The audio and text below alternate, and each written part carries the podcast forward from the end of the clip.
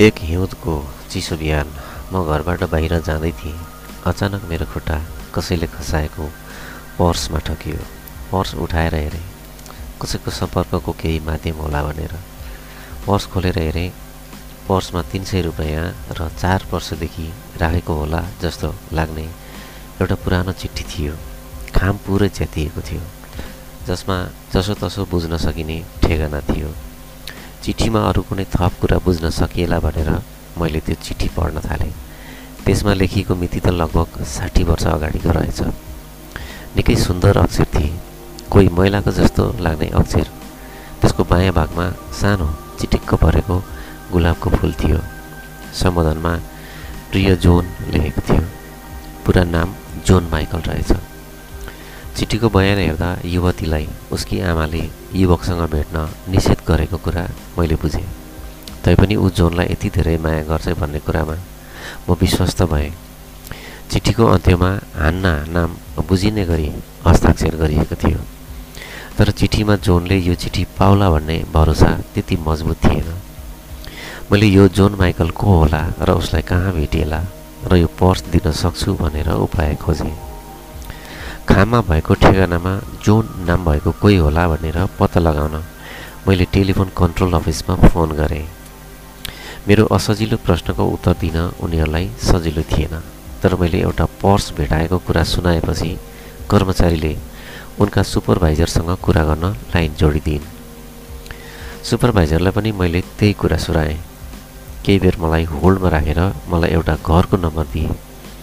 मैले दोस्रो नम्बरमा फोन गरेँ। जहाँ हान्नाको भेटको आशा थियो। त्यस घरका घरवालाले मलाई भने तिस वर्ष अघि हामीले यो घर किनेको हो। त्यो बेला यस घरमा हान्ना नामकी एउटी किशोरी थिइन् तर अहिले कहाँ छिन् थाहा छैन। मैले बिन्ती गरेर सहयोग मागेँ। हान्नाको थप जानकारी केही छ भने सम्झेर केही उपाय निकाल्न सक्नुहुन्छ कि?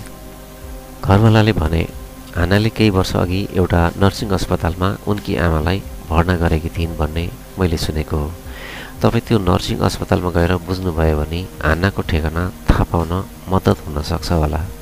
ती घरवालाको मद्दतले मैले नर्सिङ अस्पतालमा गएर हान्नाको विवरण खोजी गरेँ। नर्सिङका एकजना प्रमुखले धेरै समयको खोजीपछि हान्नाकी आमाको देहान्त भइसकेको धेरै भयो तर त्यो बेला उनीहरू अस्पताल आउँदा दर्ता गरेको एउटा टेलिफोन नम्बर रहेछ।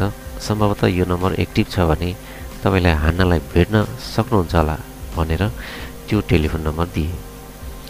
म कति मूर्ख भएर हान्नाको पछि लागिरहेको थिएँ भने राति करिब एघार बजे मैले त्यो टेलिफोन नम्बरमा फोन गरेँ।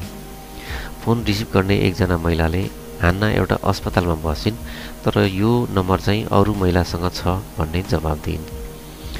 र हान्ना भएको अस्पतालको सम्पर्क नम्बर उनले मलाई उपलब्ध गराइन्। एकपछि अर्को चरण पार गर्दै म हान्नाको नजिक पुगिसकेको थिएँ। म उत्साहित हुँदै थिएँ भने हान्नासँगको भेटको कल्पनामा म थोर बहुत नर्भस पनि हुँदै थिएँ। सम्बन्धित अस्पतालमा हान्नाको बारे मेरो अन्तिम सोधपुछमा एकजना महिला स्टाफले फोन उठाएर भन्यो हो हान्ना यहीँ बस्छिन्। तर अहिले त मध्यरात हुन लागेको छ। तपाईँ दिनको समयमा आउनुभयो भने हान्नालाई अस्पतालको उनको कोठामा टिभी हेरेर बसिरहेको भेट्न सक्नुहुन्छ। मैले म अहिले नै आउँछु भनेर त्यति बेला नै अस्पतालतिर हुइकिएँ मध्यरातमा अस्पतालमा रात्रिकालीन ड्युटीमा रहेका महिला स्टाफले मलाई गेटमा स्वागत गरे। मलाई आफ्नै प्रेमिका वर्षौँ छुटेर भेट्न गए जस्तै आतुर भइरहेको थियो। म बिस्तारै कामदै अतालिँदै एकजना नर्सलाई हान्नाको कोठामा लगेर मलाई सहयोग गरिदिनुहोस् भने। उनले मलाई त्यो सहयोग गरिन् ढोका ढकढकाइन् हान्नाले ढोका खोलिन् र मलाई चिनाइदिइन् नर्सले। उता हान्ना उहाँ नै हो भनेर नर्स आफ्नो बाटो लागिन्। चिल्लो र सेतो कपालमा हान्ना मन्द मुस्कान र चम्किला आँखाले मलाई हेरिन्। र उनले मैले उनलाई पर्स भेटाएको कुरा सुनाएँ। र पर्स खोलेर त्यो चिठी पनि देखाएँ। चिठी देख्ने बित्तिकै उनले लामो सास फेरिन्। चिठीको एकातिर भएको रातो गुलाब देखेपछि उनले भनिन् महाशय यो मैले माइकललाई लेखेको अन्तिम चिठी हो। एकछिन चुप लागेर उनले भनिन् त्यो बेला म सोह्र वर्षको मात्रै थिएँ। म साँच्चै नै जोनलाई धेरै माया गर्थेँ। मलाई मेरी आमाले तिमी अहिले सानै छौ भन्नुहुन्थ्यो।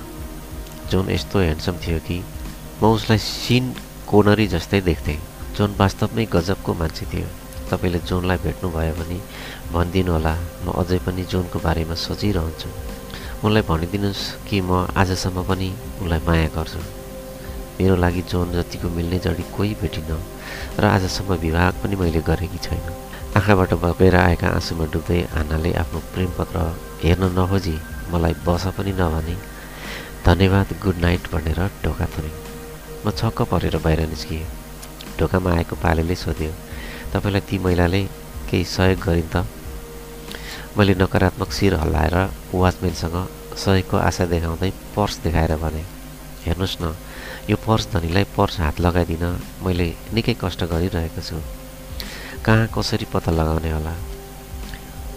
पर्सको तुना र रङ हेरेपछि वाचम्यानले पर्समा ध्यान दिएर गढेर हेऱ्यो र भन्यो खोइ पर्स यही हो त? ओहो यो पर्स त मैले पहिले नै एक दुईपटक भेटेर उसलाई दिएको थिएँ। यो पर्स त मिस्टर गोल्डस्टेनको पो हो त। मैले सोधेँ को हो मिस्टर गोल्डस्टेन? ऊ पुरानो समयको मानिस हो। यही घरको आठौँ तलामा बस्छ। यो पर्स माइक गोल्डस्टेनकै हो। बिहान बाहिर निस्कँदा उसले खसाएको हुनुपर्छ। म तत्काल काउन्टरमा गएर नर्सलाई वाचम्यानले भनेका कुरा सुनाएँ। नर्सले मलाई लिफ्टबाट आठौँ तलामा जान सुझाव दिइन्। उनी अझै पनि कोठामा बसेर पढिरहेका होला। नभन्दै ती पुरुष म त्यहाँ पुग्दा पढेर बसिरहेका थिए। मैले फाल्तु कुरा नगरी उनले पर्स हराएको कुरा गरेँ। उनले पछाडिको गोजी छामे र ह्याङ्गरमा झुन्डाएका लुगाको गोजीहरू पनि छामे र भने ए हो त हराएछु। मैले पर्स दिएपछि उनले आफ्नो पर्स चिनेर हो यही हो। तपाईँ जस्तो भलाद्मी मान्छेलाई म पुरस्कार दिन्छु। मैले भने भइगयो पर्दैन। बरु तपाईँलाई एउटा कुरा सुनाउँछु। मैले तपाईँको ठेगाना पत्ता लगाउनका लागि तपाईँको पर्समा रहेको पुरानो चिठी पढेँ जुनको अनुहारको चमक तत्काल गायब भयो। उनले केही दिगदारी देखाउँदै भने दैत तपाईँले यो चिठी किन पढेको? पढेको मात्र होइन हजुर मैले हान्ना कहाँ छिन् भन्ने पनि पत्ता लगाएको छु। उनी फेरि तर्सिएर भने हान्ना? कहाँ छिन् हान्ना? के तपाईँले हान्नालाई भेट्नुभयो? के उनी पहिले जस्तै राम्रै छिन्? मैले उनलाई आश्वस्त पार्दै भने हो उनी राम्रै छिन् जस्तै तपाईँले देख्दा पहिले थिए। भन्नुहोस् न हान्ना कहाँ छिन्? बुढा मान्छे जवानीमा फर्किएर फेरि एकपटक तन्नेरी हुन खोज्दै थिए।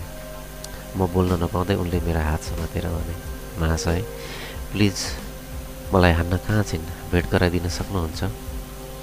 हेर्नुहोस् हान्नाको यो चिठी पाएपछि मेरो जीवनमा ठुलो उथल पुथल आएको छ। मैले उनलाई त्यसपछि कहिल्यै भेटिनँ। तर मैले आजसम्म उनको प्रेममा बाँधेर विवाह पनि नगरी बसेको छु। मैले उनलाई सहज गराउँदै भने मिस्टर गोल्डस्टेन मसँग आउनुहोस्। हामी त्यही भवनको लिफ्टबाट तेस्रो तल्लामा गयौँ जहाँ हान्ना अझै पनि टिभी हेरेर बसिरहेको थियौँ।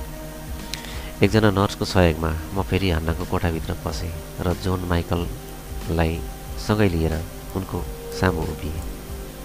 कोठाभित्रको मधुरो प्रकाशमा पनि हान्नाको अनुहार चम्किलो देखिन्थ्यो। नर्सलाई मैले यो बिचमा यी दुईजनाको कथा छोटकरीमा भनिसकेको थिएँ। नर्सले हान्नाको छेउमा गएर हामीतर्फ देखाउँदै यो मान्छेलाई चिन्नुहुन्छ भनेर सोधिन्। हान्नाको आँखाको चस्मा मिलाउँदै हान्नाले जोनलाई एकछिन निहालेर हेरिन् र केही पनि बोलिनन्। यताबाट जोनले सास भरिएको आवाजमा मधुरो गरी भने हान्ना म माइकल हुँ। तिमीलाई सम्झना छ। हान्नाले छातीमा हात राखेर मुटुको गतिलाई नियन्त्रण गर्न खोज्दै भने माइकल म कसरी विश्वास गरौँ? कि तिमी माइकल नै हो? मेरो माइकल उनीहरू बिस्तारै एक आपसको नजिकतर्फ बढे र अँगालोमा बाँधिए। नर्स र मैले आफ्नो आफ्नो आँखामा टिल्पिलाउँदै गरेको आँसु पुछ्यौँ एक हप्तापछि मलाई नर्सिङ होमबाट एउटा फोन आयो। आइतबार एउटा विवाहको उत्सवमा सहभागी हुन आउन भनेर हार्दिक निमन्त्रणा गरिएको थियो। खबरमा भनिएको थियो हान्ना र माइकलको शुभ विवाह हुँदै थियो। नर्सिङ अस्पतालका सबै स्टाफहरू सुन्दर पोसाकमा उभिएका थिए। माइकलले कालो सुट लगाएर आफ्नो अग्लो शरीरको छुट्टै पहिचान लिएर उभिएका थिए। हान्नाले हल्का पोसाक लगाएका थिइन् उनीहरूले सबैको सामु मेरो परिचय गराएर आफ्नो वैवाहिक जीवनको पहिलो श्रेय दिँदै विशेष अतिथि र जीवनकै महत्त्वपूर्ण व्यक्तिको रूपमा मलाई सम्मान पनि गरे। मलाई उनीहरूको विवाहमा आफ्नो विवाहभन्दा बढी खुसी लागेको थियो।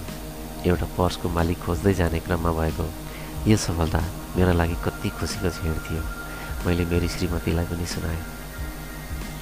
छयत्तर वर्षीय हान्ना र उनासी वर्षीय जोनको दाम्पत्य जीवनको सुरुवात हेर्दा मलाई आफ्नो बाइस वर्षीय जवानीमा भएको विवाहको याद आयो। यो कम उत्साहको विवाह थिएन। जे होस् प्रेम गर्नेले प्रेमी प्रेमिकालाई नभेट्दा पनि गरिरहने प्रेम मात्र सच्चा प्रेम हुँदो रहेछ भन्ने मैले यी दुईको तपस्याबाट यो पाठ सिकेको थिएँ। एउटा पर्सले दिएको यो शिक्षाबाट म कसैका हराएका सामान कसैले फिर्ता गरिदिउन् भन्ने कुरामा सधैँ चिन्तित रहन्छु। यो कथा तपाईँलाई कस्तो लाग्यो? प्रतिक्रिया दिनुहोला।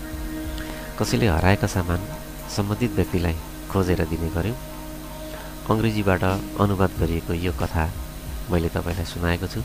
पुरा कथा सुन्नुभयो। तपाईँलाई धेरै धेरै धन्यवाद।